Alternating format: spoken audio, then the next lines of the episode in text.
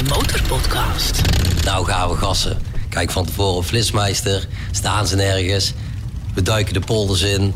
Ik kijk in mijn spiegel. En ik zie die jongens achter me op het achterwiel eh, de, de snelweg opkomen. Ja, dat, dan, eh, daar word ik gewoon blij van. Waar is de pas begonnen? Mijn vader rijdt motor. Ik denk dat iedereen met die zin begint. Het is wel een aantal keer serieus fout gaan. Serieus, serieus gewoon. Dat er iemand is overleden ook gewoon. De Motorpodcast. Passie voor motoren. Met Dennis QC en Peter Kroon. Seizoen 2, aflevering 105 van de nummer 1 podcast. Voor iedereen die zich motorrijder voelt. En voor een ieder die geniet van alles wat met motorrijden te maken heeft. In deze aflevering gasten die wel houden van een beetje doorrijden. Al is het toch ook wel een paar keer gruwelijk fout gegaan bij ze. En ja, daar zullen ze zeker ook over vertellen.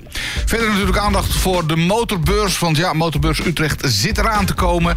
En ik moet je zeggen, ik heb er heel erg veel zin in, Dennis. Want eh, ja, wij staan er natuurlijk ook. Ja. Met ons theater in hal 12. Alle details nemen we zo meteen ook even met je door. Het komt nu echt dichtbij. En dan de motormomenten. Eh, Dennis, heb jij nog een motormomentje? Ja, ik had zeker een motormoment. Ik was op eh, vakantie in Mexico. En eh, heb daar niet motor gereden. Maar ik zat daar lekker in een beachclub. En raakte aan de praat met de, de ober. En die zei van, werk hier al lang, woon je hier al lang? Ja, hij had a life-changing moment. Oh. Hij had een motor accident. Oh, dat is niet zo En best. daar liet hij ook een filmpje van zien. En toen, vroeg ik ook, waarom heb je überhaupt een filmpje van je eigen ongeluk? Want het was echt gewoon met mooi meedraaiende camera. En eh, hij zei, nee, ik had het bochtje al een paar keer gemaakt. En ik wilde eh, met mijn knietje aan de grond. En eh, dat lukte drie keer wel. En de vierde keer werd het gefilmd. En toen lukte het niet. Toen ging hij onderuit. Zonder beschermende kleding. Dus hij, liet ook zien dat hij helemaal open had gelegen aan de zijkant. Maar dat was voor hem life-changing. Want hij zei van, ja, ik heb mijn eh, studie economics eh, aan de kant gezet. Ik ben in een beachclub gaan werken. Ik heb een heel nieuw leven ben ik begonnen. Eh, ik heb gevraagd van ben je ook weer opgestapt? Hij zegt ja, ik ben aan het repareren de bike en ik ga ook weer opstappen. Maar dit was een eye-opener voor mij. Dus door dat ongeluk Ja. heeft hij een, eh, een positieve draai aan zijn leven gegeven. En hij is helemaal happy. Zo kan het ook. Ja, hey, ik ben in de Verenigde Staten geweest. In een staat waar je zonder helm mag rijden. In Nevada, Las Vegas. Geen helmplicht daar. Oh, dat is Dus- op zich relaxed, maar ook een beetje onveilig. Ja, daar mag je gewoon, eh, eh, doe je een helm op, is het oké. Maar eh, het mag ook zonder. En daar reden daar verschillende Harleys rond. Die ja, met, met, met stevige kerels erop. En af en toe hadden ze gewoon geen helm op. Terwijl het buiten niet eens zo heel erg warm was. Maar ik, ik was daar niet zozeer om naar Harleys te kijken. Ik was daar op een speciale media- en elektronica beurs. En daar stond ook de motor van de toekomst. Oh, hoe zag hij eruit? Ik, ik heb een plaatje meegenomen. Wacht, ik, we zullen het ook even op de, op de socials zetten. Dit is hem, de, de Horwin. Ja, ik weet niet. Ja, dat is een met, met blauwe wielen. Het enige wat je nog herkent zijn twee zwarte rubber vlakken. Maar dat is ook echt alles. Ja, en het, het ziet er echt als een Back to the Future voertuig uit. Ja, ik vind het zelf niet zo heel erg mooi, maar hij is helemaal elektrisch. En hij zou 600 kilometer kunnen rijden op één accu. Tenminste, dat zei de leverancier. Ja. Eh, of tenminste de man in de stand. En eh, ik heb het niet mogen proberen, helaas. Eh, het, het voertuig zou ook echt in een half uurtje tijd opgeladen zijn. En wanneer zou die op de weg moeten kunnen? Nou, Is het al realistisch? je zou hem nu al kunnen kopen. Serieus? Maar ik, ik zou het zelf nog niet doen. Volgens volgens mij krijgen er ook heel veel kinderziektes bij. Hmm, nou, liever niet. Mag ik nog eh, twee mensen blij maken, Peter? Ja. De MCT-prijsvraag motorcircuittraining is gewonnen door Martin Frunt. Die gaat in het eh, voorjaar rijden op het Midlandcircuit in Lelystad met MC2. En Rick Oud en Leon Urbanus zijn de winnaars geworden van de twee boeken van Oscar Verkamman. De Motorpodcast. Achter het vizier van... Achter het vizier van de ambassadeurs van Bike Life Brabant. En dat zijn Roy Klaassen en Rico Ruiters. Yes, Bike Life Brabant. En daarvoor zijn wij van de enige echte motorpodcast neergestreken bij Groenburner in Nieuwkuik. Natuurlijk Brabant. Ja, normaal zeggen we dan welkom in de studio. Maar eigenlijk moet jij nu zeggen welkom in Brabant. Welkom in Brabant, kut. Nee. Welkom in Brabant. Nee, nee, nee. Goeie, goedemiddag, boys. Hoi. Ja. Ja, want j- jij eh, contactte ons, jij eh, kwam in onze DM en je zei van ja, Life Brabant, daar moeten jullie het vast een keer over gaan hebben. Maar dan is het leuk om dat in Brabant op te nemen. En Wij zijn ambassadeur ook van deze zaak. Dus eh, dat wil zeggen dat we een eh, samenwerking hebben. Wij komen hier regelmatig, we komen ook uit de buurt. En eh, dit is eigenlijk wel een van onze hotspots. En dat bedoel ik meer in de zin van verzamelen. Dus eh, voor ons heel easy. Lekker in de buurt. Eh, mooie locatie in Brabant. Hoe moet ik er nog meer van zeggen? Mooie Nou, zaak. Lekkere koffie en je hebt goede koekjes Lekker, ja, we meegenomen. hebben dus, van alles bij. Daar worstenbroodjes Ja, en, en waar bestaat die samenwerking uit? Eh, De rest van je leven gratis koffie? eh, en koekjes. En Ja. koekjes. Ja, dat is een goede samenwerking. Ja, dat is goede samenwerking. Ja. Ja. Ja, nee, dat heeft meer te maken met, eh, met social media. Je hebt, eh, je hebt iets van bereik, je gaat samenwerken. eh, je, je bouwt de klantenkring op, je bouwt wat volgers op. En mensen kijken naar elkaar. Hè? Wij dragen motorkleding, dus indirect zijn wij, promoten wij motorkleding. Ook voor deze zaak en ook voor de merken. Dus zodoende eigenlijk. En, en Rico, wat is jouw taak in het geheel? Een beetje volgen. Een beetje Ja. volgen. Oh, jij, Roy jij, is eigenlijk een beetje- vaak ja. op zijn mel gaan. Oh. Oh, oh. Nee, dat valt wel mee. Dat valt wel mee. Roy is eigenlijk een beetje de, de, de stichter van Bike Life Brabant. En eh, niet iedereen heeft zeg maar een eigen taak, maar wij ondersteunen hem wel zeg maar daarmee. Dus met social media bereik, met het rijden. eh, ja. Nou, over Dat- rijden gesproken, dan moet toch de eerste vraag erin, Peter. Want eigenlijk is de eerste vraag dus ook hier in Brabant die we stellen. Waar rij je op? Ja, ik rij nou eh, op een MT-09, eh, Gen 2. Daarvoor reed ik een, eh, ook een MT-09, dan de eerste generatie. Ja, ik ben echt van, ik ben echt van de naked bikes. Ik, ik vind hoe ze rijden vind ik fijn. Lekker sportief, lekker kort, pittig, hup, kort en krachtig. Topsnelheid hoeft voor mij niet echt over de 300. Terwijl er zitten er bij ons bij, die rijden op een boezem met 340 voorbij. Hoeft voor mij niet, dus ik blijf lekker bij de naked. Dat Ja. is gewoon waar ik mij fijn bij voel. En over het algemeen is het bij ons naked en sportief, of eh, naked en racer. Ja. R- Rico die rijdt bijvoorbeeld op een R1. ja, Big en, Bang. eh, Big Bang. 2011. Die hebben we toevallig op voorraad, want eh, Dennis heeft Ja, er ook zo helemaal. Kon hij voor een prikje overnemen, toch? Ja, ja, ja, ja. Was het maar een prikkie. Dit, dit is hem. Kijk, we- Oh, ja, dat, Twee klinkt, grote Yamaha-fans dus. dat klinkt niet goed. Ja, ja nee, over het algemeen wel. Ja, ja ik wel. En hij Het trouwens is, ook. het is degelijk. Het is gewoon, het doet wat het moet doen. Het is sportief, eh, vertrouwen. Ja. Wat wil je nog meer? Zijn jullie altijd sportieve rijders geweest? Altijd sportieve segment? Of ook wel eens het anders Ja. geprobeerd? Nee, ik, eh, ik heb wel eens geprobeerd om in mijn eentje een rondje te rijden of, of met anderen. En ik, ik vind daar helemaal niks. Nee. Ik geef daar niks om. Het hoeft voor mij niet gewoon retard, maar ik hou wel gewoon van het gas opentrekken. Ja. En, dan, en dan niet in de zin van rechts voorbij, vluchtstrook en links, rechts. Nee, wel gewoon lekker doorrijden met het kopje erbij. En dat is wel waar wij voor staan. Als ik dan met de jongens afspreek, dan krijg je het gevoel, als ik ze aankomen, iedereen helemaal in gear, weet je dan weet je van oké, nou gaan we gassen. Kijk van tevoren Flitsmeister, staan ze nergens. We delen niks op social media, zodat iemand ons kan, eh, in de gaten kan houden, zeg maar. We duiken de polders in. Ik kijk in mijn spiegel en ik zie die jongens achter me op het achterwiel eh, de, snelweg opkomen. Ja, dat, dan, eh, dan word ik gewoon blij van. Ja. Weet je? En dan ben ik al bezig met het terugschakelen voor de volgende bocht. Hup, hoe houding, knietje op de grond. En dan trek ik hem weer open, kijk in de bocht. En dan komen ze aan en één voor één de bocht in. Ja, dat vind ik gewoon heerlijk. Trek hem even open en laten we hem even zakken. Is, Ja, ik is, is dat ook de reden dat jullie eh, op social media niet eh, herkenbaar in beeld zijn? Dus altijd een helm op, eh kentekenplaatjes af, afgeschermd. Dat is best een goeie. Ik heb er ooit voor gekozen om... maar nou, ik heb er ooit voor gekozen. Nee, ik, je hebt in principe altijd een helm op. Hè? We hebben allemaal een helm op. Dat is zo gebleven. We hebben nooit geen kentekens in beeld gebracht. Puur om die kleine redenen. Je weet nooit wat er gebeurt. Ze kunnen ons gewoon in de gaten houden. Hey, die jongens gaan weten. Je weet alles van elkaar dan, hè? Dus dat is eigenlijk zo Mhm. Maar gegaan. En zo is het eigenlijk gebleven. Dus we zijn toch een klein beetje, beetje- underground. Ja, je, je zoekt het randje wel op. Je zegt van eh, op één wiel de snelweg op. Dat, dat doe ik niet vaak. Om je de waarheid te Nee, dat zeggen. snap ik met die Harley. Die krijg je, die krijg je, niet, die krijg je niet omhoog, natuurlijk. Nee. Nee, maar eh, dat is zo gegaan en dat is eigenlijk altijd zo gebleven. Kijk, die jongens hebben allemaal een eigen Instagram ook. Hè? Rico bijvoorbeeld had ook een eigen Instagram. Dus als we elkaar taggen en je gaat verder kijken... dan zul je hem op een gegeven moment wel zien zonder helm bijvoorbeeld. Alleen Ja. ik, de oprichter van Bike Life Brabant... we hebben bijna 19 of bijna 20.000 volgers. 90% van die volgers heeft geen idee wie ik ben. Die 10% komt allemaal uit de buurt, die kennen mij wel. Maar dat hoort ook ja, een beetje bij het imago, toch? Bij Ja, dat de tof, uitstraling. ja. Ik vind het wel... eh Ja, ik een vind, soort van mysterie hoort er wel bij. Nou ja, zo, zo kun je het eigenlijk wel zeggen. Ja. Dus eh, dat, dat brengt ook wel iets met zich mee. Je zei net, de oprichter van Bike Life Brabant, nu bijna 20.000 volgers. De- hoe, waarom ben je dit begonnen? Hoe, hoe ben je dit begonnen en wanneer? Ja, dat is eh, ook een eh goeie. Ik ben nooit eigenlijk van de social media geweest. Ik, ik gaf daar nooit niet veel om. Totdat ik ging motorrijden. Ik kocht de motor, ik zat op dat ding, ik rijd door de straat en ik denk, wat is dit toch doodsaai? In Hoe lang geleden is dit? Eh, vijf jaar? Vijf jaar geleden. Vijf jaar geleden ongeveer. Daarvoor reed ik al wel crossmotors, heb quads gereden vanuit vroeger uit, zeg maar. Maar echt op straat, met rijbewijs, een jaar of vijf geleden, denk ik.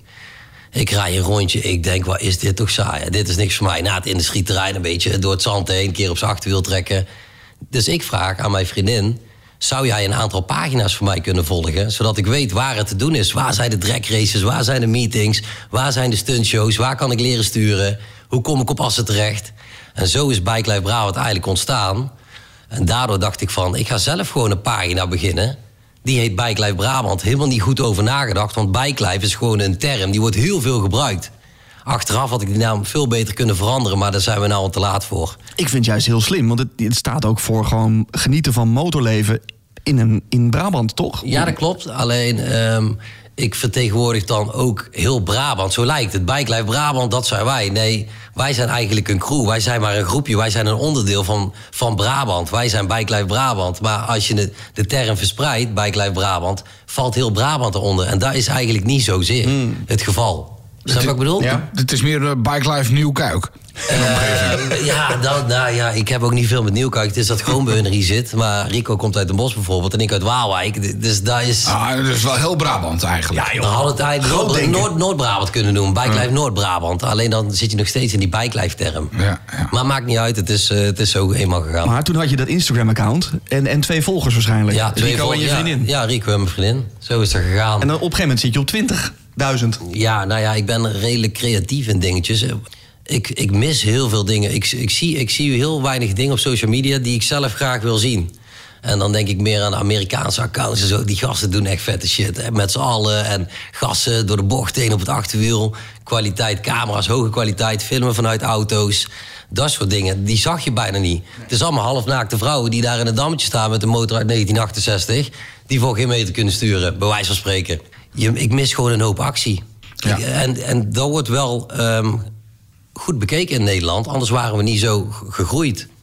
Wij nemen jullie mee op trackdays. Wij laten zien hoe je op je achterwiel eh, rijdt, bijvoorbeeld. En dat wordt allemaal gefilmd in hoge kwaliteit. We nemen fotografen mee, we nemen videografen mee. En dat zijn net die kleine beetje extra's. Of we laten een video-edit maken, bijvoorbeeld. In hoge kwaliteit. Kwam ook niet zo heel veel voor. Maar jij was in je eentje, je bent dat account begonnen. En op een gegeven moment, nu ben je met een mannetje of 30. Mensen willen zich aansluiten. Hoe vorm je dan die groep? Want op een gegeven moment gaat iemand in je DM zitten van... Ja, eh, dan kom je iemand je met je rijden? Ja, dan kom je weer iemand tegen van school van vroeg. Hé, hey, je rijdt motor, man. Ja, ik ook. Hey, zo een keer samen rijden. Dus dat klikt. Hè. We, we weten allebei van, oh, we houden hier wel van. Op een gegeven moment word je iets groter. Je gaat, eh je gaat rideouts bezoeken. Dat doen we nou een stuk minder. Weet je, maar daar leer je ook weer mensen kennen. Eh, je, wordt wel, je wordt wel bekender in de buurt. Je leert weer andere motorrijders kennen. Die volgen die pagina weer. Zien het weer ergens verschijnen. Via Groenburn of waar dan ook. En zo eh, krijg je toch een beetje een band met bepaalde gasten. En als ze het leuk vinden en ze houden van die sportieve rijstijl... zeggen we, dan nodig je gewoon vaker uit. En zo is dat een beetje uitgegroeid. Maar we hebben al een aantal keer gezegd van... luister, er willen wel 600 gasten met ons rijden. Er willen er wel 150 bij ons groepje horen. Maar we hebben nou gezegd, we zijn met z'n 30 En dan zeiden we toen we met z'n 20 waren al...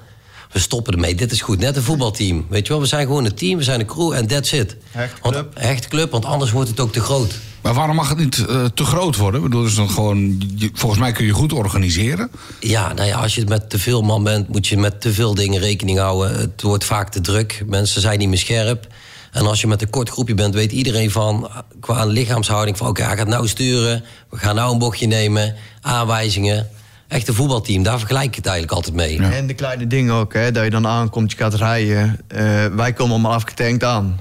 Ja. Een ander die zegt misschien na vijf minuten... oh shit, ik moet nog tanken. Of oh, mijn veter zit los. Eh, mijn kimbandje zit niet vast van mijn helm. Nee, wij weten gewoon, joh, signaaltje, helm op. Wij stappen op, we geven een anderhalf uur gas, we vellen op de band en dan stoppen we een keer. Ja.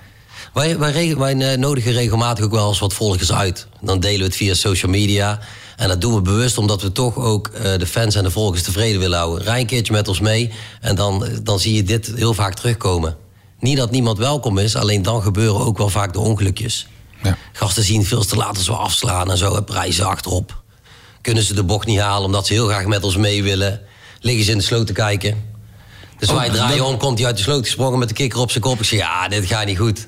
Weet je, dan, Ja, dan- jullie zijn echt wel van het sportief rijden en kennen elkaar van haven tot gort. Ik kan me best voorstellen, iemand die daar nieuw bij komt, dat hij dat niveau niet kan halen en dat er dus inderdaad ongelukken gebeuren. Ja, maar diegene die, die komt ook niet zo snel met ons meerijden. We zeggen, stel voor dat iemand net zijn rijbewijs, op, zijn rijbewijs heeft gehaald. Die koopt een MT-07. Jongens, ik wil graag met jullie rijden. Nou, dat stop. Dat, dat kan ook gewoon. Maar ga eerst even je motor leren kennen. Ja?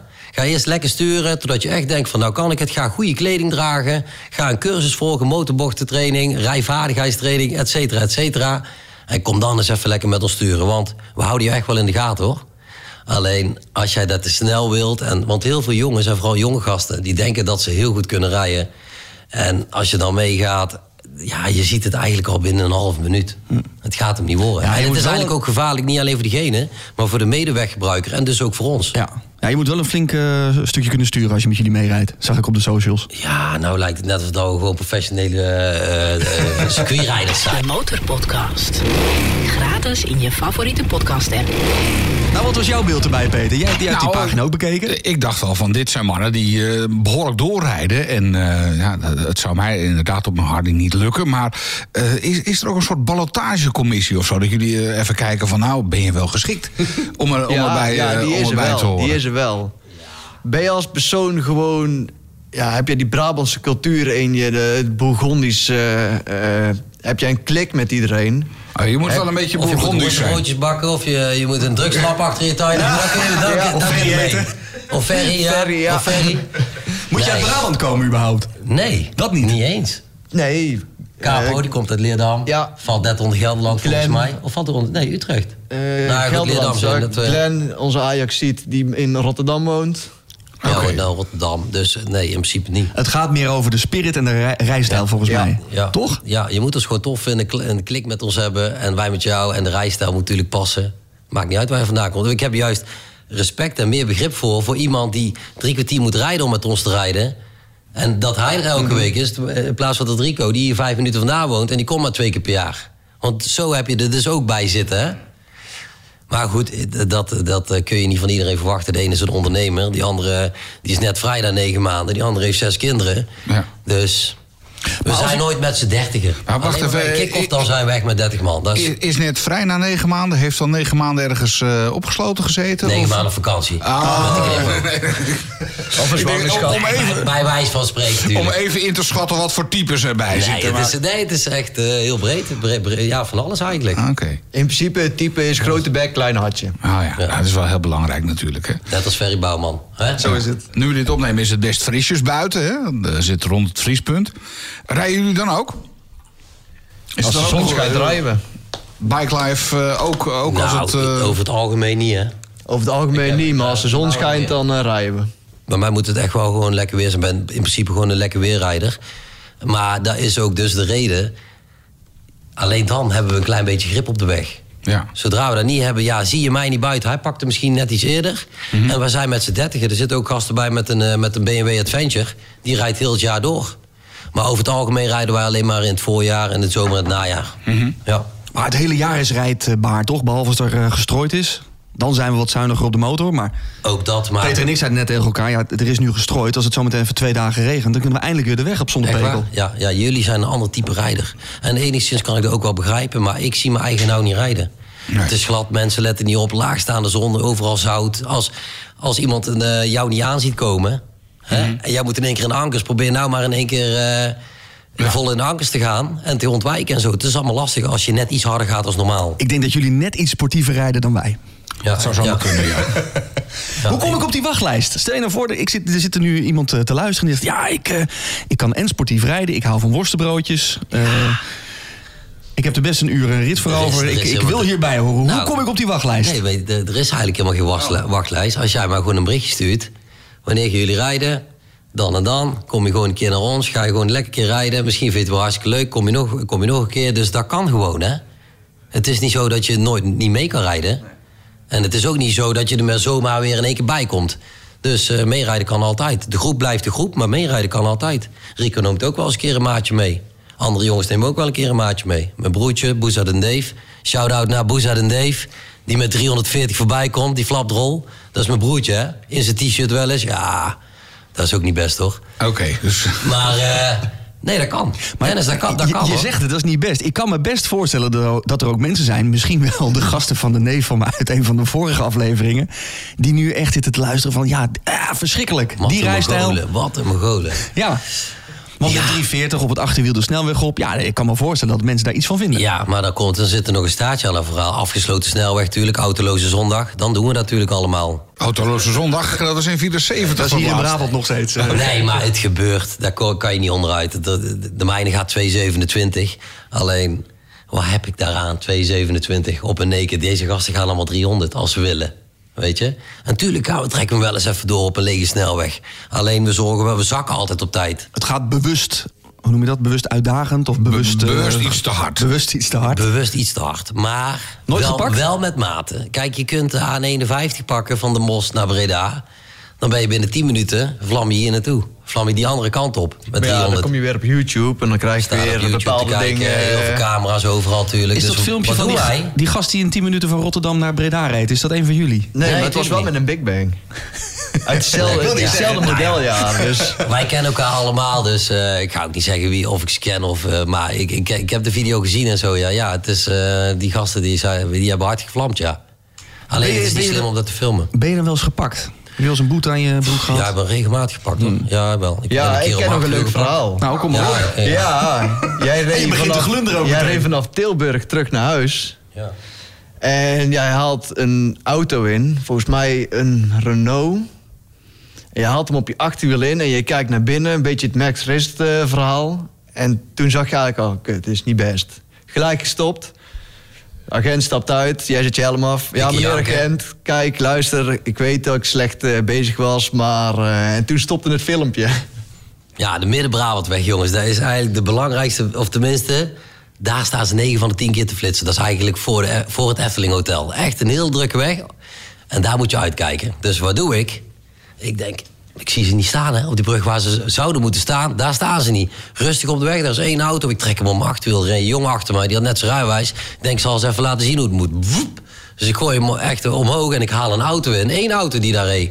En dat was een undercover agent. Ja, die hield me aan. Hij zegt, luister, dat was wel een gecont- gecontroleerde wheelie.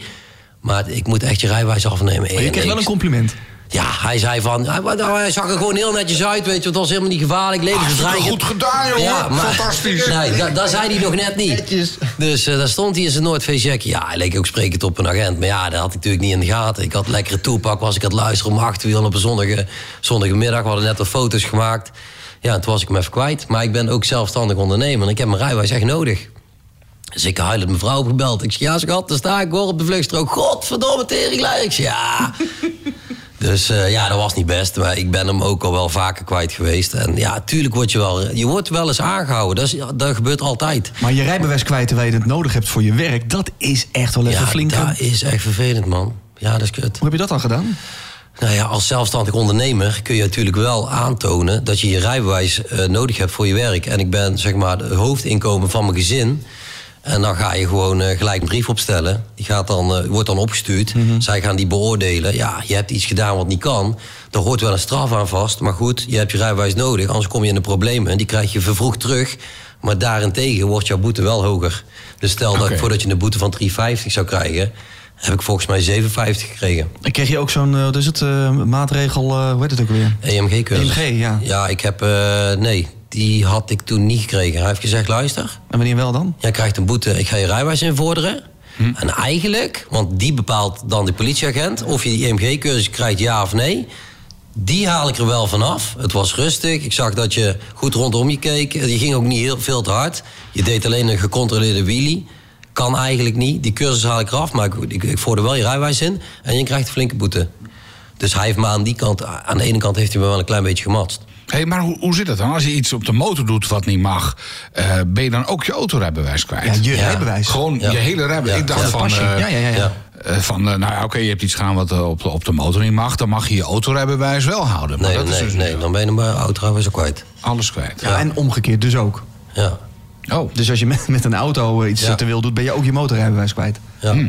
Nou, daar zou ik dan toch zo'n soort onderscheid in maken, denk ik. Maar goed, eh, Misschien is dat iets voor Pien eh, van, de C, van het CDA. Omdat, eh, ja, omdat alsnog met eventjes- 125 cc, nee, met de rijbewijs B op een 125 cc. Ja. En eh als je iets doet in de auto wat niet mag, dan ben je alleen je alleen je kwijt in plaats Ja. van je hele pasje. Ja. Maar dit geldt dus voor allemaal, hè. ook voor jullie. Je rijbewijs is gewoon belangrijk, anders konden jullie hier ook niet zitten. Nee. Dus wat doen wij om dat te, kunnen, om dat te voorkomen? Kijken van tevoren op Flitsmeister. We rijden ook op dagen wanneer het rustig is. Dus vaak in de avonden of eh, in het weekend, net in de namiddag. Daar houden we allemaal rekening mee. We spreken af, niet per se in het zicht. We delen niks op social media. We rijden nooit door de binnenstad. Zul je ons nooit vinden rondje binnenstad Den Bosch of Tilburg. Daar vind dat je ons gewoon niet leuk, natuurlijk. Nee, natuurlijk niet. Wij gaan de polders in. We zoeken, we zoeken eigenlijk zo min mogelijk verkeer, goede wegen, weinig stoplichten. Daar zijn we alleen maar op af. Want ons zie je ook niet snel bij een ride-out. Het enige waardoor wij dat doen is omdat wij een redelijk groot bereik eh, hebben. Heel veel jonge rijders willen daar naartoe, alleen willen dat niet op eigen houtje doen. En dan slepen wij toch best wel een grote groep mee. Brengen wij ze daar naartoe. En wat wij dan doen is gewoon chillen, met gasten praten die we kennen uit de bijklijfwereld. En dan blijven wij daar gewoon staan. Als heel die groep vertrekt van een paar duizend man, net zoals Dutch Rider bijvoorbeeld. En dan blijven wij daar gewoon hangen. En dan hebben we iedereen meegesleept. En tof. Toch een gezellige dag. Gezellige dag. En dan gaan we naar huis. En dan gaan we door de Brabantse polders even vlammen. Wil je nog meer horen van onze gasten? Word dan vriend van de Motorpodcast. Kijk op demotorpodcast.nl. Heb jij ook zo'n verhaal over eh, Rico? Ik heb zoveel gehoord Nou. verhalen over deze gast. Hij heeft jou nou zwart gemaakt. eh. Hij heeft, eh, nee, hij heeft eh, een, een dagje vlammen met ons, hartstikke goed. Hij denkt, ik ga toch nog even een paar bochtjes sturen, even kniedoutjes doen hier en daar. Wat denkt u? Rijdt hij over een haas heen? Toen, toen ben je uit de bocht gevlogen, toch? Met die haas? Of waren er twee verschillende verhalen? Nee, dit, dit, dit, Hij eigenlijk, eigenlijk moet je, eigenlijk moet je deel A... Je moet eigenlijk deel A en deel B vertellen. Wij gingen een eh, hele middag hebben we lopen vlammen hier in de buurt op een spot van ons. En s'avonds zeiden we, wou mijn vader nog een stukje rijden. Ik zeg, joh, weet je waar, ik hoef mijn pak niet aan te trekken. Ik ga gewoon lekker in mijn trainingsbroekje met jou meerijden. Verstandige jongens, zitten we hier in de motorkledingwinkel. Uiteindelijk toch mijn pak aangetrokken. Oh. Wij gaan een stukje rijden. Ik ga onderuit. Ik sta op en ik zeg... "Eh, dat wordt hem niet houden. Bel maar een ambulance, want ik kan niet meer lopen. Enkel gebroken. Dus drie maanden revalideren, met krukken op de motor stappen... en op een gegeven moment alleen een rondje rijden. Ik denk, even door de polder heen weer, gas geven... steek er een haas over. Ik denk, ja, nou kan ik twee dingen doen. Of ik rem met de kans dat ik onderuit ga, alweer... Of ik hou gewoon gas bij, vooruit blijven kijken. Wat moet op de motor. En ik rijd door. En ik kijk in mijn spiegels en ik zie aan de ene kant zie ik zijn kop wegvliegen en aan de andere kant zijn lijf. Ik denk, ja, nou rij ik terug. Teruggereden. Dat was echt gewoon zo netjes afgesneden. Eigenlijk spijt van dat ik hem niet mee heb genomen. Ja, voor op de barbecue. Ja, eh. ja, niet? Precies. En mooi eh konijnenvelletje voor op de tafel thuis. Ja. ja, hij was in ieder geval in één keer dood. Dus dat is... Ja, eh, een haas moet je toch kunnen pakken met een motor? Ja, makkelijk. En met als je een geremd was, was het erger geweest eh, voor jou. Waarschijnlijk wel. Ja. Zeg maar, nu zijn we aan de, zitten we aan de vooravond van eh, de motorbeurs. Hè? Morgen gaat hij officieel eh, van start. Eh, gaan jullie er ook met een lekkere groep eventjes eh, gas geven naartoe? Ja, als we honger hebben wel, want de afgelopen jaren is het echt alleen maar eten geweest eh, op de motorbeurs. Er staan er een paar kleine, of een paar grote dealertjes staan er eigenlijk, maar qua merken staat er eigenlijk helemaal niks. Nou, het voordeel is, dit jaar staan nagenoeg alle merken er weer. Dat was de kritiek van 23, maar Motorbus Utrecht 2024... als het goed is, is bijna elk merk er weer te vinden. Nou, misschien als jullie nog een item willen vullen, eh, dat we zeggen van we komen met een paar man. Nou, je, je vindt ons eh, met de Motorpodcast in hal 12. Daar staat het theater en daar maken we drie keer per dag een, eh, een mooie aflevering. Laten we even schakelen naar de organisatoren van de Motorbeurs... om alle ins en outs te horen. De Motorpodcast. De nummer 1 podcast voor motorrijders en motorliefhebbers. Nou is het echt bijna zover. Als je deze aflevering van de Motorpodcast beluistert op de dag dat hij uitkomt... dan is het nog maar één nachtje slapen. En dan begint Motorbeurs Utrecht. En het feest gaat van start met een eh, recordpoging... waar wij van de Motorpodcast uiteraard ook bij betrokken zijn. Daarover zometeen meer. Maar eerst is bij mij Joost de Frankrijker. Hij is eventmanager van Motorbeurs Utrecht. Joost, welkom in de Motorpodcast. Ja, dankjewel Peter. Er gaan echt spectaculaire dingen gebeuren bij Motorbeurs Utrecht. Hè, stuntshows en zo. Maar ook alle grote motormerken zijn er weer. Maar er is ook iets wat we echt even moeten bespreken. En dat is het reizen naar de motorbeurs toe. En eh, het parkeren onder andere. Dat klopt inderdaad. Motorbeurs is altijd een, eh, een jaarlijks lekker druk eh, bezochte beurs. Dus dat is altijd heel tof. Daarom hebben we een aantal dingen eigenlijk in het leven geroepen. Eén daarvan is de combi-deal met de NS. Namelijk, je kan, een, je kan je ticket eigenlijk kopen samen met je retourticket bij de NS. Daarnaast is het sowieso een goed idee om altijd met het openbaar vervoer te komen. parkeren is zeker mogelijk. We hebben zelf P2 en P4 natuurlijk liggen bij ons terrein. En daarnaast zullen we ook nog uh, doorverwijzen naar de PNR-gebieden rondom, uh, rondom de stad, zoals Papendorp en Westdraven. Vanaf daar kan je heel gemakkelijk dan weer in samenwerking met het parkeerkaartje wat je dan hebt daar, kan je het openbaar vervoer uh, pakken om zo de stad in te gaan. En dat gaat lekker snel. Joost, maar het is de motorbeurs, hè? Dan, dan kom je op de motor, toch? Dus we hebben ook nog een motorparkeerplaats op P2. Dus daar kan je ook naartoe komen. Dat is toch goed om even te, even te weten. Joost, ik zei het in mijn inleiding al. Er gaan spectaculaire dingen gebeuren tijdens Motorbeurs Utrecht. Onder andere een fire arena. Leg even uit, wat gaat er gebeuren met, uh, met vuur en motoren op de beurs? We gaan een, uh, we gaan een grote constructie maken van stijger... waar een trialcoureur, twee trialcoureurs overheen gaan. Um, en ondertussen wordt daar een combinatie gegeven van, uh, van show-elementen zoals uh, stage flames. Met uh, danseressen die ook met, met vuurtools gaan dansen in combinatie met een, met een band. Ja, en dit moet je gewoon zien, want dit wordt het spektakel van, van de beurs waar, alles, waar we eigenlijk alles gaan geven. Dus ja, ik moet eerlijk, ik ben net al uh, half twaalf ingelopen en ik heb al even gekeken. Ze zijn op dit moment namelijk aan het repeteren en uh, ja, dit wordt, dit moet je gewoon zien. Dit moet je bij zijn. Ja, en in diezelfde hal 12 zijn wij van de Motorpodcast ook aanwezig met live de Motorpodcast. En Joost, daarnaast is er ook uh, goed nagedacht over de inwendige mens, zoals dat dan heet. Want er zijn ook heel veel uh, ja, fijne eet- en drinkgelegenheden, toch? Klopt inderdaad. We hebben um, in hal 10 hebben we er bijvoorbeeld een hele mooie staan. Dat is het Route 66 uh, terras ja, daar ga je gewoon helemaal terug naar uh, jaren 60, jaren 70, Route 66 in Amerika. Waarbij we dat hele terras uh, nou, volledig in die sfeer gaan aankleden. En we hebben daar nog een verrassing. Alleen dat heeft iets met een paal te maken. Dat is alles wat ik ga zeggen. Ja, laat maar raden, Joost. Iets met schaars geklede personen die iets met dansen aan een paal of zo? Nee, iets met een paal. Daar houden we het bij. Dan moet je gewoon komen zien. Nee, dan begrijp ik ongeveer welke kant het uh, op gaat. Joost, ik zei het al eerder. Alle grote motormerken zijn weer aanwezig bij Motorbeurs Utrecht. En als u van plan bent om een nieuwe motorfiets te kopen op uh, Motorbeurs Utrecht... dan maak je kans op het terugwinnen van je aankoopbedrag. Dat klopt inderdaad. Ja, en wie daar de winnaar van is, dat wordt bekendgemaakt op de laatste dag van Motorbeurs Utrecht in hal 12 in het theater. Bij ons, bij de Motorpodcast. Dus hou ons vooral in de gaten.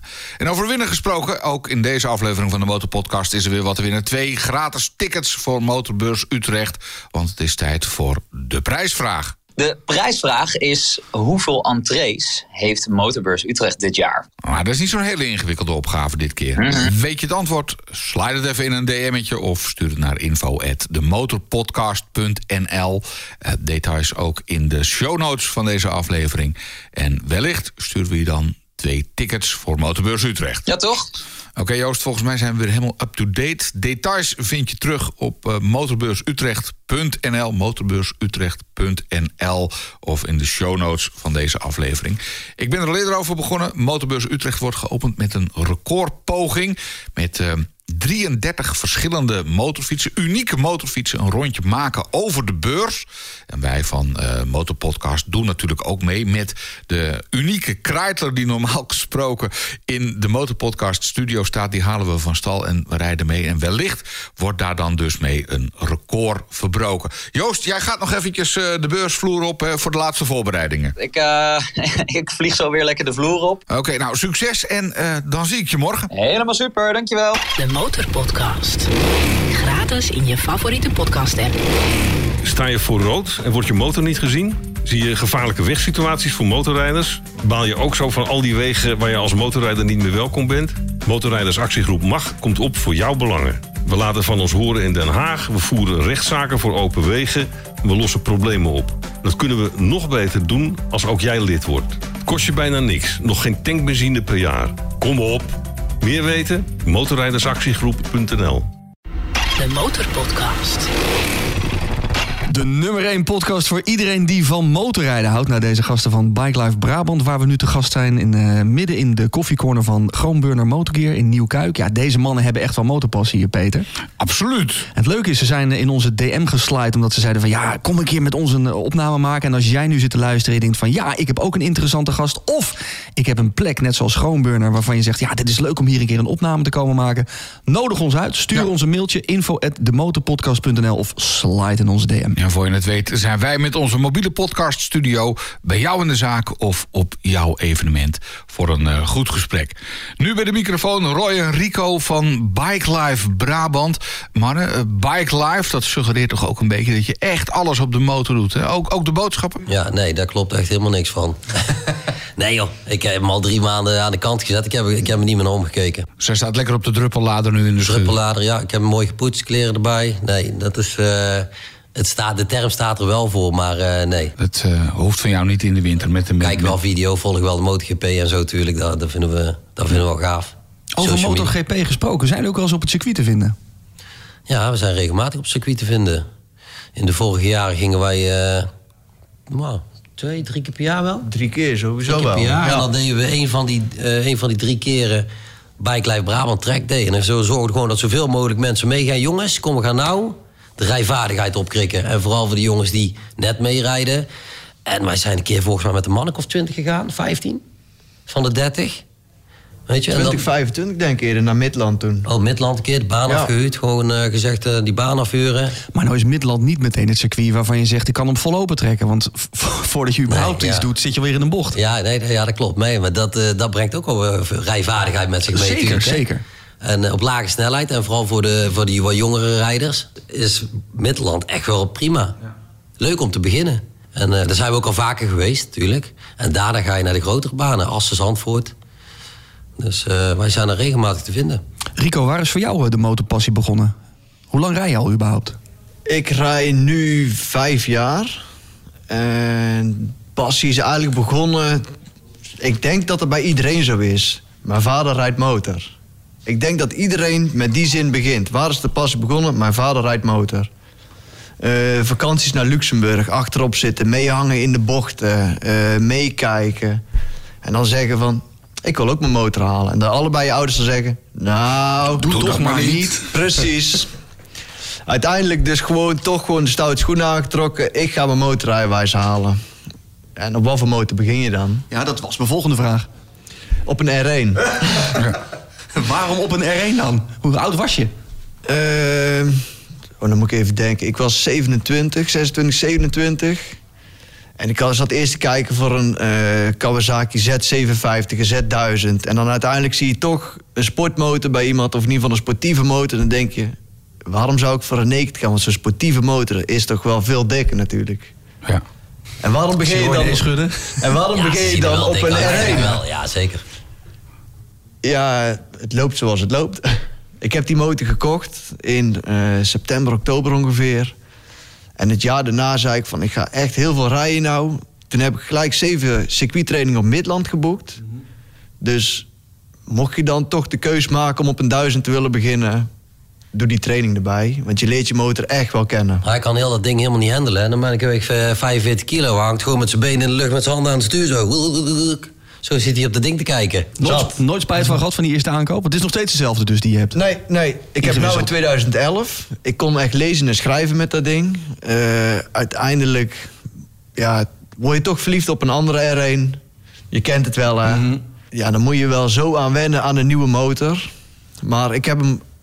Ja, iedereen zegt het. Je eerste motor doe je met pijn in je hart weg. En ja, dat klopt. Nee, maar het is best... Ik bedoel, eh, er zijn nu luisteraars die zeggen... ja, nooit op een R1 beginnen. Het is wel 200 pk. En de andere zal zeggen... ja, waarom zou je niet op 200 pk beginnen? Nee, die 2004 is 150 pk. Oh, oké, ja, dat scheelt. 150, 170, nee, 170 pk. Nou, dat is toch nog een hoop. PK's zijn alleen maar om eh, hard te gaan, hè? Ja, maar je moet het wel in bedwang houden. Je eerste motor, en het- sowieso een 1000 cc. Eh, als je beginnend motorrijder Ja. bent, er zijn mensen die dat afraden. Ja, dan kun je alles wel afhalen. Ja, dat is waar. Ik Ja. heb maar 117 pk en ik vind het prima. Er zitten jongens bij met 220 pk, die kunnen mij niet bijhouden. Het is maar net hoe je ermee kan, om kan gaan natuurlijk. Als jij die MT-09 niet zou hebben, wat zou je dan rijden? Wauw, dat is ook een hele goeie, want daar heb ik ook al een aantal keer over na zitten denken.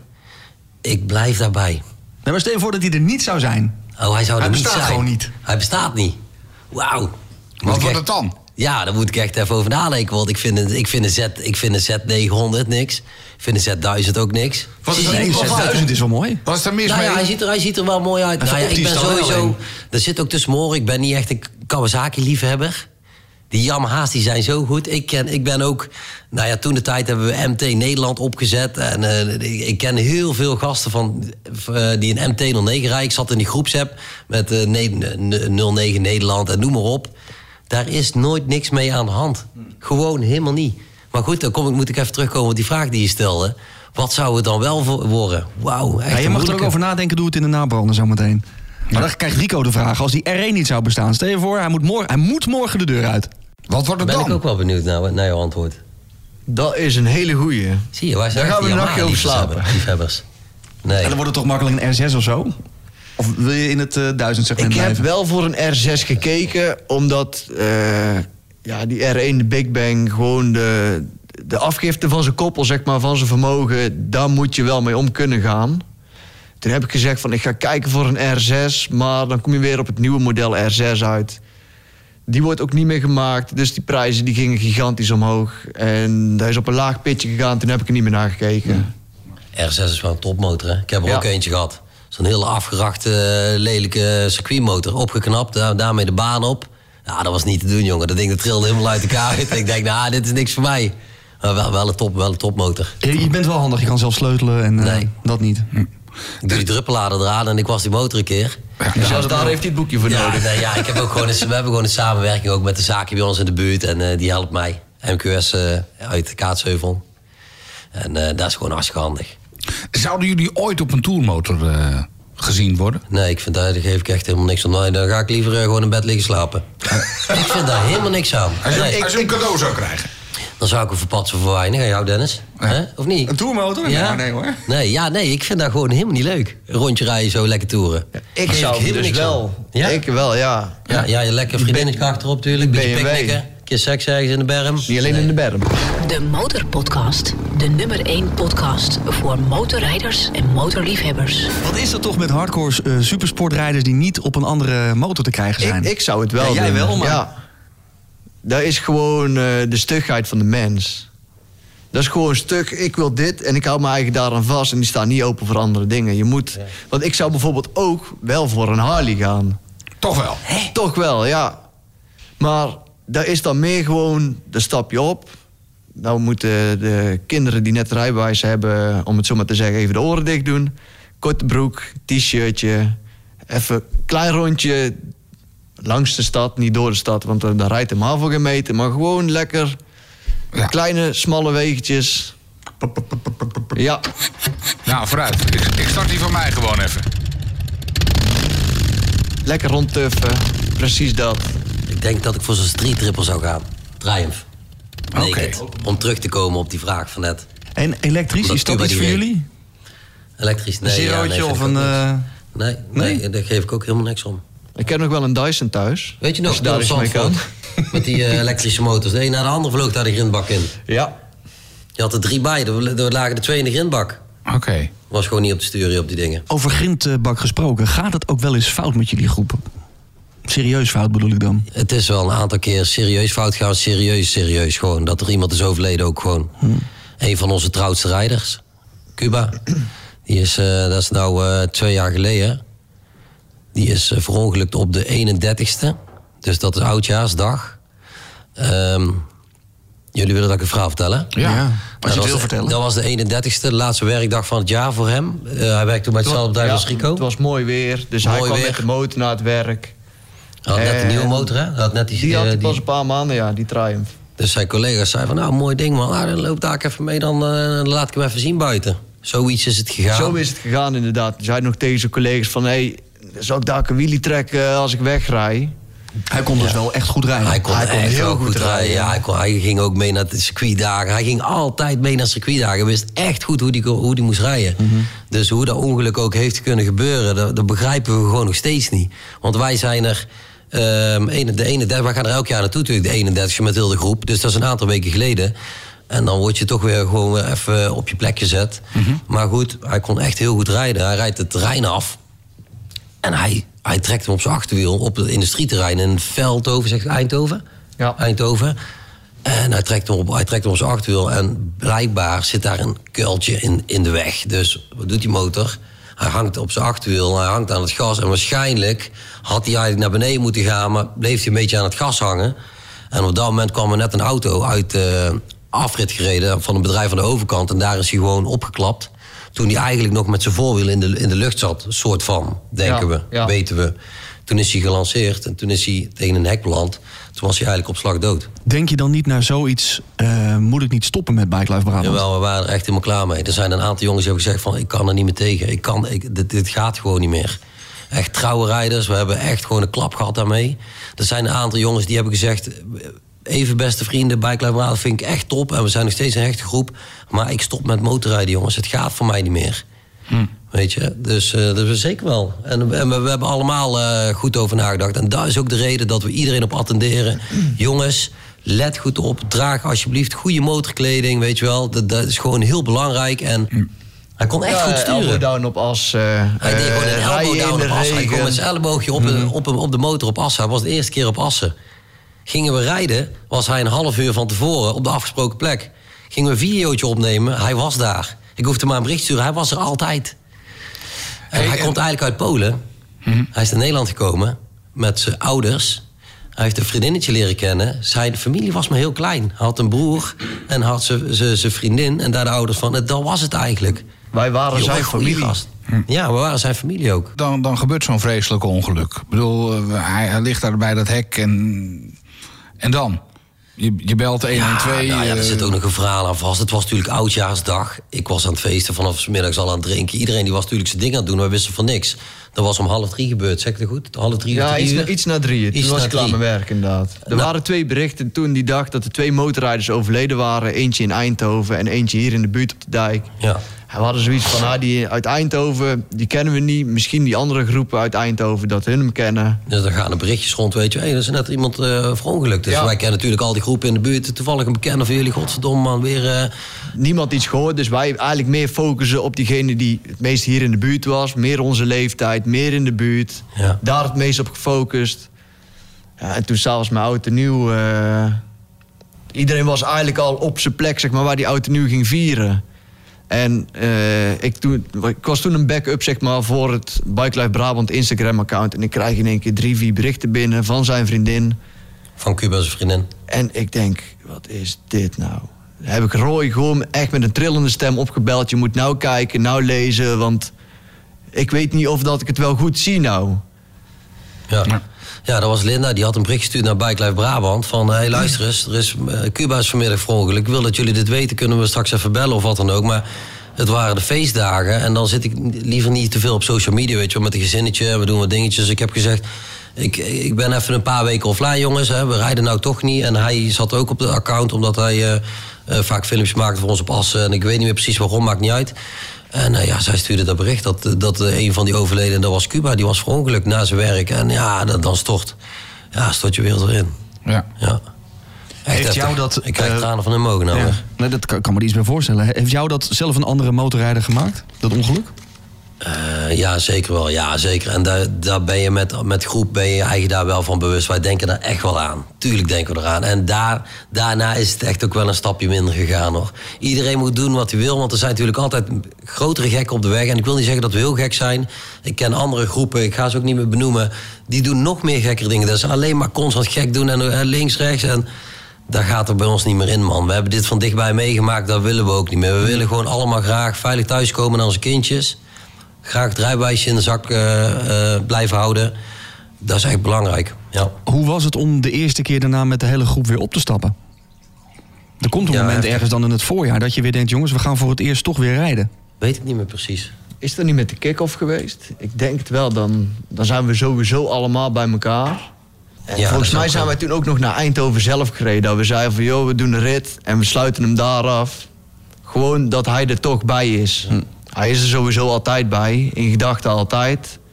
Ja. Patches laten drukken, met zijn naam erop, Poolse vlag erop, geboortedatum, sterfdatum.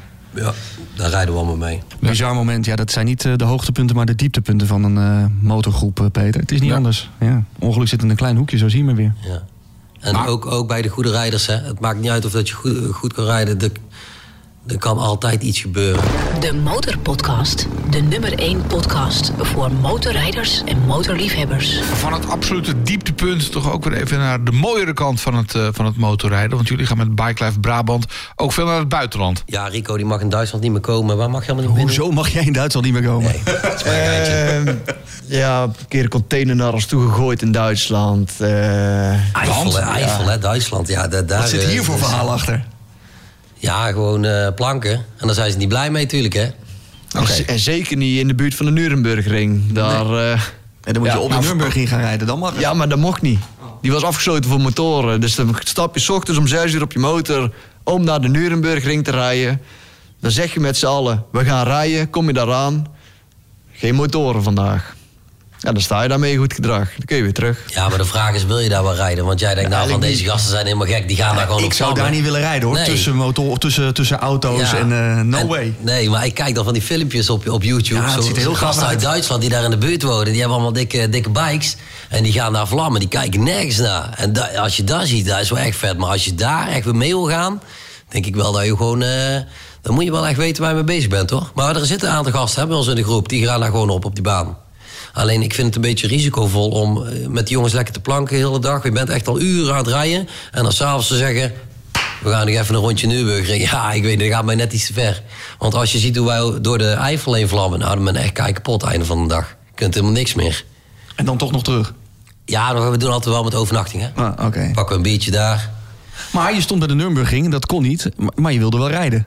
Dus het plaatselijke dorpje hebben jullie plaatselijke even dorpje onveilig opstellen. gemaakt. Ja, ja, nou daar even dorpje. bij komen, op het terrasje zitten, daar even eten. Ja, en, helemaal eh, klemzuipen, totdat je in je broek zeikt. Nee, dat was jij. Maar goed, jullie waren daar dus eh, niet, niet op- de ring aan het rijden... maar gewoon even daar in de buurt even flink eh, de boel onveilig gemaakt. En toen gooide er op een gegeven moment een Duitser een container naar jullie toe. Ik weet- ik weet- Wat ik- natuurlijk ik weet best dat terecht is dan. Nee, dat klopt. Want jij reed vooraan, achter Rick aan. En eh, ik reed achteraan, volgens mij met Emra en Perry.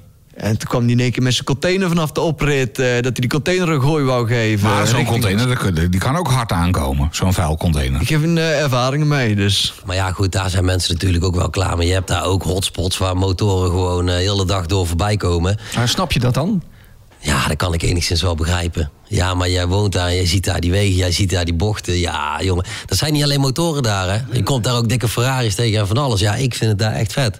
Vooral hoe dichter je bij de ring komt, hoe, hoe meer die vibe daar is. Overal staan dure wagens, je kunt van alles huren. Overal motors, je ziet ze op z'n achterwiel voorbij komen. Duitsers die een seintje geven op de motor van... kom, kom, weet je wel, eh, kom maar een stukje achter mij aan. Ja, dan rij je daar, jongen. En dat gaat hard, hoor. Dat gaat hard. Maar wat wij ook doen is, dat hebben we afgelopen jaar gedaan... dan huren we gewoon iemand een voorrijder in... Die kan echt goed sturen, die gaat echt hard. Die zeggen, luister, volg mij maar gewoon. Ik weet precies waar je moet zijn en waar je niet moet zijn. Die huur je in? We huren een voorrijder in. Oké. Ja. En daar gaan we dan gewoon achteraan. Hé, maar hoe doen jullie dat met 30 man en, en, en stoplichten dan? En halverwege de hele groep eh, splitst op, eh, communicatie onderweg? Nee, nee, eh, nee. Eigenlijk, zoals ik toen straks al zei, 30 man, daar zijn we mee. Alleen, we rijden eigenlijk nooit met 30 man. We rijden nog niet eens met 15 man altijd. We doen het begin van het seizoen altijd de kick-off. hè, De aan de kick-off. We komen met z'n allen bij elkaar. Vaak een DJ huren dan in. Gaan we weer een feestje bouwen. Lekker hapje en een drankje. Zijn we met z'n allen weer het seizoen. Nemen de helft van Cuba mee. Of bijvoorbeeld, weet je, om hem ook te herdenken.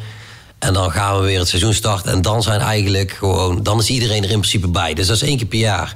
En daarna begint het seizoen. Gaan we rijden. Ja, er zijn heel veel gasten werken op zaterdag of werken s'avonds. Hebben net een kindje gekregen. Huis uitgezet. Negen maanden vastgezeten. Eh, dat is, ja, je weet het niet. Dus we zijn nooit met 30 man. We zijn over het algemeen met een mannelijk of tien altijd. Oké. Tenzij we zeggen van hey, we gaan naar de Eifel of we gaan een dagje daar naartoe of we gaan echt iets organiseren. We rijden bijna nooit met 30 man. Moet je ook niet willen, want dan moet je te vaak wachten. Dan kom je bij die stoplicht-sessies terecht en eh Ja, wordt het ook niet. Niet maar goed, als we aankomen rijden bij een stoplicht en hij is nog groen en ik kijk naar het verkeer en ik, denk van eh, hij gaat eigenlijk naar oranje, dan laat ik mijn gas al los, zodat we in principe net eh, voor een rood stoplicht komen. Snap je wat ik bedoel? Je kunt dan Ja. kiezen van of we gaan met z'n allen door... en dan bestaat de mogelijkheid dat, dat er vijf achterblijven... of je wacht gewoon met z'n allen en dan staan we met z'n allen bij een groen stoplicht... en dan kunnen we gewoon met de man of 15 op de achterwiel vertrekken. De Motorpodcast. Gratis in je favoriete podcast app.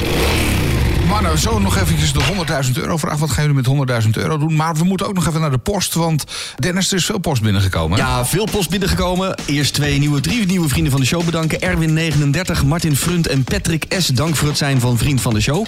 Kawa Saskia, onze bekende vriendin, heeft gereageerd. Hoi mannen, ik zit te luisteren naar de vraag van Dauma... over hoe je ervaring op kan doen met iemand achterop. Haar advies is altijd, begin met je minst leuke vrienden. Niels de Lange die schrijft... Hey helden van de Motorpodcast, er is een nieuwe luisteraar bij. Ik dacht van, huh, wat was dat nou?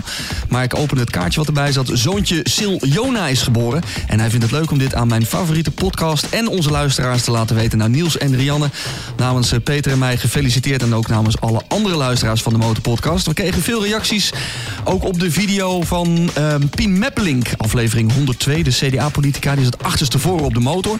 Nou, veel vinden het leuk om dat te zien, maar veel vinden het ook onveilig. Een polletje op Insta die leverde op dat 71 van jullie als luisteraars... eh 71% van jullie als luisteraars ook achterstevoren op een motor zou zitten. Dat verbaasde me. En 29% die zei van dat doe ik niet. Heb je de foto nog niet gezien? Check dan de socials van de Motorpodcast op Insta en op Facebook. Ehm, Jasper laat nog weten. Hoi mannen, ik luister elke aflevering van jullie. Nou, leuk om te horen. Ehm, een mooie vraag voor in de podcast. Wat voor soort motor zouden jullie rijden als jullie geen chopper of racer zouden rijden? Nou Peter, zeg het maar. Nou, eh, eh, ik denk dat ik dan toch ook voor zo'n naked zou gaan.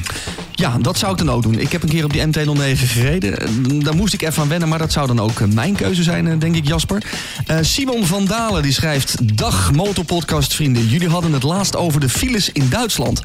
Ik ben zojuist naar Keulen gereden en zag dit soort borden langs de weg staan. Het klopt dus wat werd gezegd. Ik had het over dat je een Rettungsgasse vrij moest maken. Dus als er file staat, moet de linkerrijstrook naar links... en de rechterrijstrook naar rechts, zodat er een ambulance door kan. Nou, hij heeft een bord meegestuurd dat er inderdaad borden langs de weg staan in Duitsland... dat je dat moet doen. Daar mag je dan als motorrijder weer geen gebruik van maken natuurlijk, officieel. Weet dat dus even. Ehm, even kijken, nog meer post. Oeh, even een keuze maken. De laatste dan van Luid Tinken. Wat is jullie het allerergst tegengevallen aan motorrijden, vraagt hij. Hij zegt, want iedereen rijdt altijd zo ontzettend happy de peppy rond. Maar uit eigen ervaring weet ik dat er ook ontzettende tegenvallers en mindere kanten kunnen zijn. Hij wil graag aftrappen met rijden in de regen. Nou, wat vind jij de grootste tegenvaller? Rijden in de regen valt wat mij betreft wel mee. Eh, hoge garagerekening. Eh, reparaties die, Oh. die, die altijd net even te duur uitvallen. Dat je denkt van nou, eh, je brengt hem weg en dan zeggen ze nou, dat valt wel mee. En dan bellen ze halverwege als ze bezig zijn op van ja, dan moet ook nog dit en dan moet ook nog dat. En dan denk je, oh jee, daar gaan we weer. Ja. En dan komt er een rekening uit, jongen, dat je denkt van oh mijn god, kon ik het zelf maken. Ja, ja, ja. Ik, eh, ik ken die pijn. Eh, bij mij valt tegen... De, wat Dan zei moet je Yamaha kopen, hè? Scheelt veel. Ja, jij met je Harley. Ehm, bij mij valt eigenlijk altijd tegen dat ik toch wil opstappen en denk dat is wel te doen, die kou. Dat je dan toch na een half uur denkt, ik ben helemaal bevroren. Ja. En ik moet zeggen dat de R1 eh, met vergelijking met de R6 toch een beetje tegenvalt in verzekering en in brandstofgebruik. Dat Oh, kan ja. ook aan mijn rijgedrag liggen. Maar hij is wel een stuk duurder dan die, eh, dan die, eh, die CBR 600 die ik had. Nou, er is nog veel meer post, maar die bewaren we voor de volgende aflevering. Iedereen krijgt eh, persoonlijk antwoord van jou, hè? Dat absoluut. En heb je wat te melden? Mail naar info@demotorpodcast.nl. De Motorpodcast. Snel terug naar de mannen van Bike Life Brabant, Roy en Rico. Want we moeten nog eventjes de 100.000 euro vraag doen. Mannen, wat gaan jullie doen met 100.000 euro? Het moet wel helemaal opgaan aan de passie voor motoren natuurlijk. De Motorpodcast. 100.000 euro voor je motorliefde. Wat ga jij ermee doen? Nou, kom maar op mannen. Ja, 100.000 euro. Eigenlijk waren we er wel over eens wat we ermee zouden doen, hè? maar het was wel een hele moeilijke. Het was echt een lastige. Dat is 100.000 Want wij zijn, Het een, wij zijn een crew, hè? wij zijn een groepje. Ja. Dus dat moeten we dan verdelen. Dat is waar. Hè? Voor 100.000, ja. Kun je niet voor 30 man een motor kopen? Ja, zou wel kunnen. Tweede Ik zei, eh, ik heb Rico nog geappt of ik had hem nog gebeld van de week. Ik zeg, eh, dit is lastig, ja. Ik ben zelf van mening, als ze afhuren... en lekker gewoon een hele dag afvoeren die baan. Leuk. Met die jongens. Ja. Jullie zeggen van, nou, dan red je het makkelijk mee. Ja, voor 100.000 euro kun je Dan twee dagen. afhuren? Dan Oh, twee ja. dagen. Of met een paar nieuwe set Of inclusief biefstuk. Bijvoorbeeld. En Rico had Of een een, andere of een optie. week naar de Eifel, Luxemburg. eh Rijden totdat de tank leeg is. Ja. Bijtanken, gewoon alles aan brandstof oprijden. En echt aan de groep opmaken dus. Ja, Ja. zeker. Avonds. Doen we eigenlijk in principe altijd. Gewoon Maar alles stel, het, weten. het, het moet toch een motor worden. Hè? Ik bedoel, daar ben ik toch even benieuwd naar. Eén motor. Ja, Ja, nee, je droommotor. jij, jij moet het uitgeven, en dan vraagt ze hem dan ook even aan Roy. Jij moet het uitgeven aan jouw droommotor. Hè, bedoel, eh, wat, wat komt er dan? Met, met een ton hè, heb je Ja, om- een ton, te dus dan kun je spanderen. alles kopen wat je wil. Nou ja, eh, maar wat, wat ga je dan kopen? Want daar ben ik toch wel eh, ook even benieuwd naar. Ehm, ja, hey, Doe even egoïstisch. Gewoon laat even je... Even, even, Je echte droommotor. ja, Ja, echte droommotor, wauw. Ja, jongens. gewoon even een tonnetje spanderen. Hè, je dan zou ik een cash R1M, on- dan zou ik een R1M pakken. Een? Een R1, Yamaha R1M. Ja, met, eh, met alles erop en Ja, eraan. tuurlijk. Gewoon Acra, goede banden erop, alles erop en eraan. Gewoon een vet ding. Ik vind dat gewoon een super dikke racer. Dan heb je nog 60, 70.000 euro over. ja. ja. maar ja goed, is er, wat moet ik een motor van 90k kiezen dan? Bestaat die er überhaupt? Ja, die zijn er best Ja, wel. tuurlijk. Superleggera. Ik zou, dan, nee, ik zou dan gewoon voor 100.000 euro lekker naar de Yamaha dealer gaan, R1M halen. Zou ik Suzuki 2,5 kopen. Nou, kijk, Eh, en dan nog twee kleine kosten voor de kinderen. Rijdt je vrouw of een vriendin ook of niet? Nee, die moet er helemaal niks van hebben. Nee, die vindt het helemaal niks. Ah, voor de kids wel. Jawel, ik heb ook een PW50 voor mijn zoon. Ja, zeker. Een crossertje, is dat hè? Ja, klein crossmotortje. Ja, we hebben echt van alles hoor. Daar zijn we zelf ook mee opgegroeid, ik en mijn broertje. Dus eh, we houden er wel van. En eh, er gaat zeker wel wat meer komen. Ja. Jawel. Nou, Rico, jij met je pasje naar de Yamaha-dealer ook of niet? Ik denk dat ik gewoon langs alle dealers zou gaan. Behalve de Ducati-dealer, maar dat is gewoon... eh, Waarom, hè? Dat is Ducati. een principe kwestie. Kom je met 100k niet de deur uit. Net zet je, handschoenen voor, man. ja. Ik zou gewoon echt uit elk segment gewoon een motor kopen waarvan ik zeg, dit is genoeg. Want bijvoorbeeld een eh, KTM, je kan zeggen, ik pak een eh 690 viertakt. Maar je kan ook zeggen, luister, 250 tweetakt is genoeg. Ja. Daar kan ik ook Maar plezier dan- mee hebben. dan Dus kopen ze allebei je een ton eh cash ja, ja, ja. Dus gewoon van elk segment zou ik gewoon zeggen, die motor, die vind ik vet, die koop ik. Ja. En, en hoeveel wordt het er dan in totaal? Want met een ton kan je er even vooruit. Hè? Ik Dus denk dat, dat en een dan- tweetakt en een viertakt. Ja, en dan blijft er een- nog wel Ja, ik denk over, dat je wel op eh, zes verschillende motoren eh, uitkomt. Maar dan moet je ook bijpassende kleding bij hebben. Hè? Want je gaat natuurlijk niet met een racehelm op een crosser zetten. Nou, kijk, dus dat Of koop op een Harley, of- Nee. Dus Nou, dat komt er ook nog even Eh, bij. dan komt er ook nog 40k bij. over. Wat rij je dan, wat, wat trek je het liefst aan? Want jullie rijden altijd in full gear. Stringetje, altijd een stringetje in de pak. Stringetje aan, pak aan en eh, gaan. Maar blijf nog even zitten, want we doen nog even een nabrander speciaal voor, ehm, voor de vrienden van de show. Ja, we hebben nog veel te bespreken, want er zijn vast nog veel memorabele punten die we moeten bespreken. Eh, De, de grootste bloopers willen we ook nog horen. Ik vond het, het verhaal van de Haas vond ik al wel een mooie. Hij heeft ook een keer in zijn broek gescheten hè, tijdens het rijden. Daar gaan we Oh, daar over gaan we hebben. het daarover hebben in de nabrander. Ben je nog geen vriend van de show? Word dat dan op demotorpodcast.nl. En je weet het, als je deze aflevering op tijd luistert... dan eh, moet je zeker naar Motorbeurs Utrecht komen... want we staan daar in het theater in hal 12. En luister je deze aflevering eh, wat later... dan hoor je dat allemaal in de komende afleveringen van eh, de Motorpodcast. Vind je deze aflevering leuk en luister je via Spotify? Druk dan op volgen, want dan krijg je een seintje bij de volgende aflevering. En die komt dus uit Utrecht. De Motorpodcast. Gratis in je favoriete podcast app.